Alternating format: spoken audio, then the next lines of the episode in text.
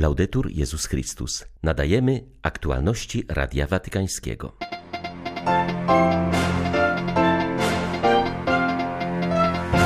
Ta wojna jest hańbą, zagraża bezpieczeństwu całego świata, powiedział papież w miesiąc po rozpoczęciu rosyjskiej inwazji na Ukrainę.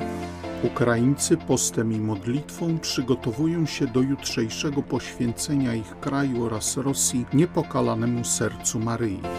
Ta konsekracja to znak z nieba, że Bóg jest z nami, a niepokalana nas obroni, mówi w ostrzeliwanym Charkowie biskup Paweł Honczaruk. 24 marca witają Państwa ksiądz Krzysztof Ołdakowski i Beata Zajączkowska. Zapraszamy na serwis informacyjny.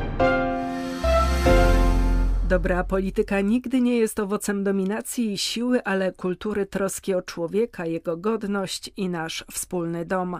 Dowodem tego jest ta haniebna wojna, której jesteśmy świadkami, zauważył papież na audiencji dla przedstawicielek jednego z włoskich chrześcijańskich stowarzyszeń kobiecych. Ojciec Święty przyznał, że dla osób należących do jego pokolenia widok tego, co dzieje się na Ukrainie, jest nie do zniesienia. Podstawowy problem jest ten sam. System władzy na świecie wciąż przypomina grę w szachy. Potężnie analizują ruchy na szachownicy, budują strategie, aby zwiększyć swoją dominację ze szkodą dla innych. Rozwiązaniem nie jest więc więcej broni, więcej sankcji, ale zupełnie inne podejście, inny sposób rządzenia zglobalizowanym światem i nawiązywania międzynarodowych stosunków bez pokazywania kłów. Taki model już dzięki Bogu istnieje, ale póki co nadal podlega systemowi władzy opartemu na dominacji ekonomiczno-technokratyczno-militarnej.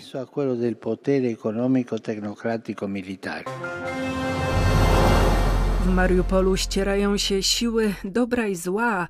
To tam decydują się losy Ukrainy, Europy i świata. Uratujmy to miasto Maryi. Apeluje w kolejnym wojennym orędziu arcybiskup Światosław Szewczuk. Zwierzchnik ukraińskiego kościoła grecko-katolickiego przypomina, że dziś Mariupol jest pokryty ciałami setek tysięcy ludzi, których nie ma kto pochować. Żyjący tam ludzie umierają z głodu i pragnienia. W zeszłym tygodniu był tam jeszcze śnieg, teraz nie ma nawet tego i ludzie nie mają co pić. Zróbmy wszystko, by ocalić to miasto, prosił arcybiskup Szewczuk. Opowiedział też o swych spotkaniach z rannymi żołnierzami. W tych dniach nie dowodziło się w tych dniach musiałem odwiedzić naszych rannych obrońców i z nimi porozmawiać. Pierwsze wrażenie, które noszę w głębi mego serca, to fakt, że u żadnego z nich nie widziałem smutnej twarzy. Kiedy ich pozdrawiałem, kiedy trzymałem w mych dłoniach ich odważną rękę, uśmiechając się do mnie, mówili o zwycięstwie Ukrainy. I wszyscy prosili o modlitwę, aby jak najszybciej mogli wrócić do służby i znów ramię w ramię ze swoimi braćmi i siostrami bronić naszej ojczyzny. Ich oblicza, ich oczy są dla nas wszystkich źródłem nadziei, że prawda zwycięży, że nawet ranny wojownik będzie bronił swojej ojczyzny, modlitwą, myślą, słowami otuchy i zachęty dla wszystkich, którzy wątpią lub mogą czuć się zdezorientowani. Proszę wszystkich o modlitwę za tych, którzy zostali ranni na tej wojnie. Nie znamy nawet ich liczby. Tak bardzo potrzebują naszej troski i wsparcia. Naszej uwagi i podtrzymki. Kościół katolicki od początku wojny włączył się aktywnie w pomoc charytatywną, nie zapominając jednak o najważniejszej broni w walce ze złem, jaką jest modlitwa.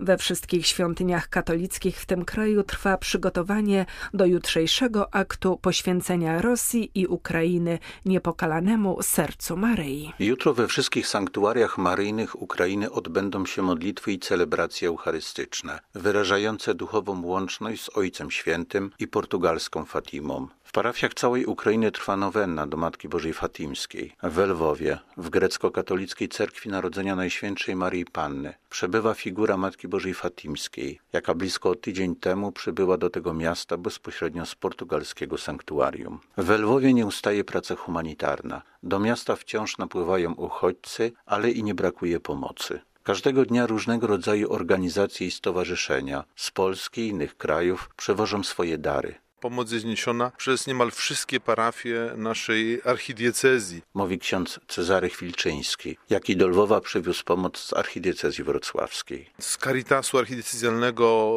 ponad 25 tirów już dotarło na Ukrainę z tą pomocą humanitarną. Z Lwowa dla Radia Watykańskiego ksiądz Mariusz Krawiec, Paulista. Mimo trwających walk mieszkańcy Charkowa przygotowują się do aktu zawierzenia. Sytuacja tak się zmienia, że to, co planujemy teraz, za godzinę może już być niemożliwe do zrealizowania.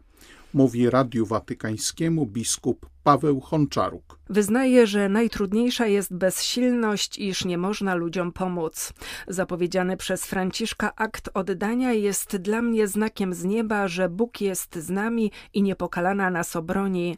Ta wspólna modlitwa na całym świecie daje pewność, że Bóg da nam swoje zwycięstwo, mówi biskup Honczaruk, wskazując, że bez modlitwy świata nie mogliby przetrwać tego miesiąca wojny. Hierarcha podkreśla, że najtrudniejsza sytuacja jest obecnie w Mariupolu. To miasto Rosja skazała na zagładę, strzelają do cywilów, zabijają także dzieci. To jest okrutne barbarzyństwo. Charków częściowo działa, bo wciąż jest możliwość wyjazdu, ale miasto non-stop jest bombardowane, mówi biskup Honczaru. Księża posługują, posługują sakramentami, ale też e, aktywnie włączyli się w taką humanitarną pomoc, rozwożenie produktów czy tam innych artykułów, też koordynacja z grupami wolontariuszy. Jednym słowem aktywnie działają, pomagają też na tym froncie pomocy ludziom materialnych. Dociera pomoc. Trudno, ale dojeżdżają, bo boją się kierowcy jechać i w kościele zamykane my nie zbieramy ludzi w kościele dlatego, że jest niebezpieczeństwo, że może być ostrzelany kościół i wtedy mogą zginąć wszyscy. Więc nie narażamy ludzi na niebezpieczeństwo, ale też odwiedzamy gdzieś po domach, to tam odprawiane są mszy święte. Odwiedzane osoby samotne, czy tam w metro też odwiedzamy. Więc gospodarstwo powiedzmy podziemne, nawet nie możemy powiedzieć uliczne, dlatego że na ulicy prawie ludzi nie ma. Najtrudniejszy to jest ten moment, kiedy tam byliśmy na dworcu, gdzie rodziny się rozstają. Mąż wyprowadza żonę, dzieci i żegna się i no i to jest moment ten najbardziej trudny, bo nie wiadomo, czy oni się spotkają, czy nie i oni muszą wyjeżdżać. I tylko to, co mogą zabrać ze sobą w drogę. Moment rozstania się, to dla mnie najcięższy moment, którego byłem świadkiem. Po miesiącu wojny mieszkańcy Kijowa oswoili się z ciągłymi ostrzałami i na ulicach widać coraz więcej ludzi. Coraz więcej osób zaczęło też przychodzić do kościoła.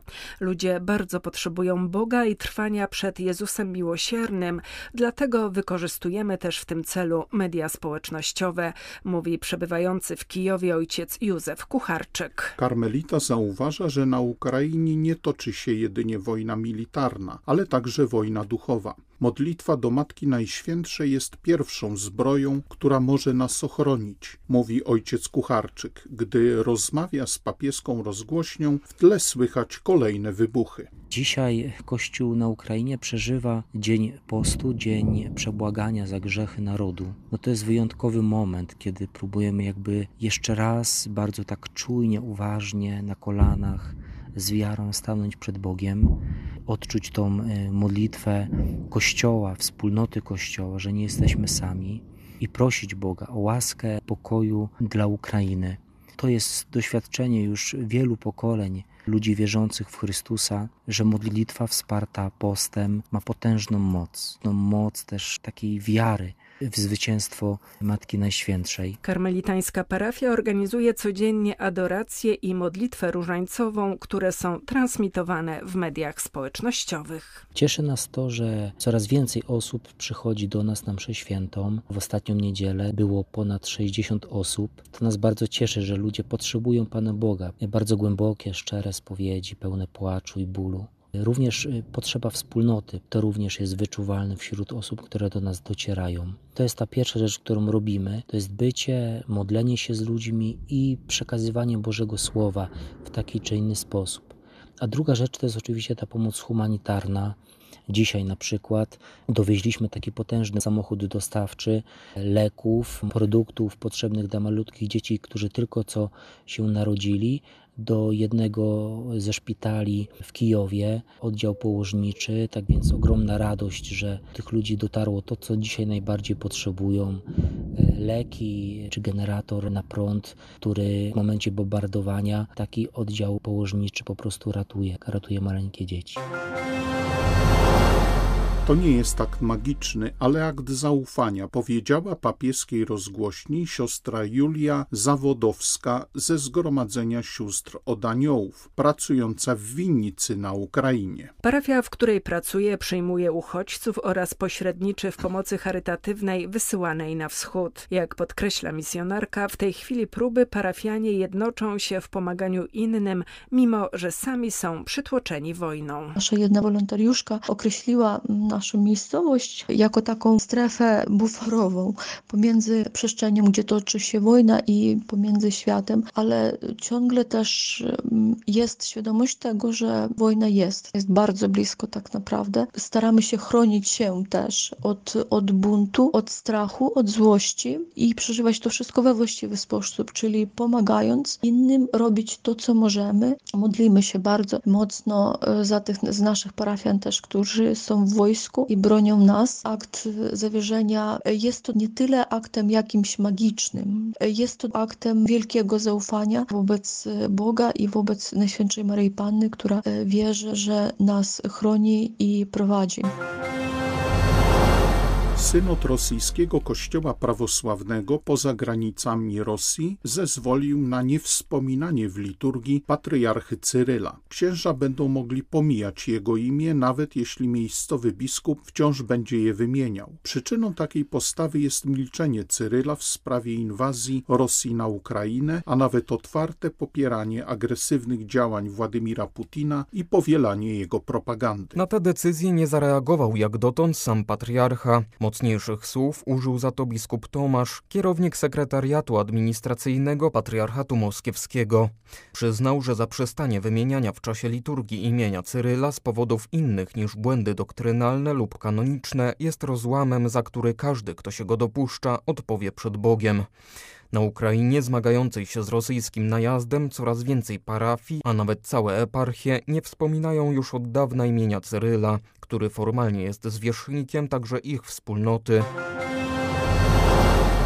To tragiczne, że z powodu wojny na Ukrainie pogłębiają się podziały między chrześcijanami, mówi przebywający w Rzymie brat Alois, przeor ekumenicznej wspólnoty Steze. Na ten temat rozmawiał on z papieżem, któremu podziękował za nawiązanie kontaktu z Cyrylem, aby zachęcić go do wejścia na drogę pokoju. W rozmowie z Radiem Watykańskim przyznał z ubolewaniem, że w tym momencie relacje ekumeniczne nie są w stanie wpłynąć na zbliżenie między Ukrainą i Rosją. Brat Alois zauważył, że wojna jest trudnym doświadczeniem dla wspólnoty Steze, bo od wielu lat bardzo licznie przybywają do niej zarówno Ukraińcy, jak i Rosjanie.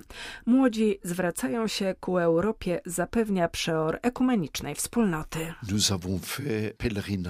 Jedno z naszych spotkań zorganizowaliśmy w Lwowie, a w 2015 roku wraz z grupą 200 młodych udałem się na Wielki Tydzień do Moskwy, do prawosławnych, a następnie następnie na tydzień wielkanocny do Kijowa. Teraz młodzi piszą do nas z Ukrainy. Jesteśmy pod wielkim wrażeniem tego, jak starają sobie radzić w tych warunkach, zachować normalne życie, na ile jest to tylko możliwe. Napisała też do mnie jedna Rosjanka z Moskwy. Jesteśmy tak bardzo bezsilni, pisze do mnie. I to jest tragiczne, bo ta wojna przeciwstawia sobie te dwa ludy, które były ze sobą tak blisko związane. Były to Aktualności Radia Watykańskiego. Laudetur Jezus Chrystus.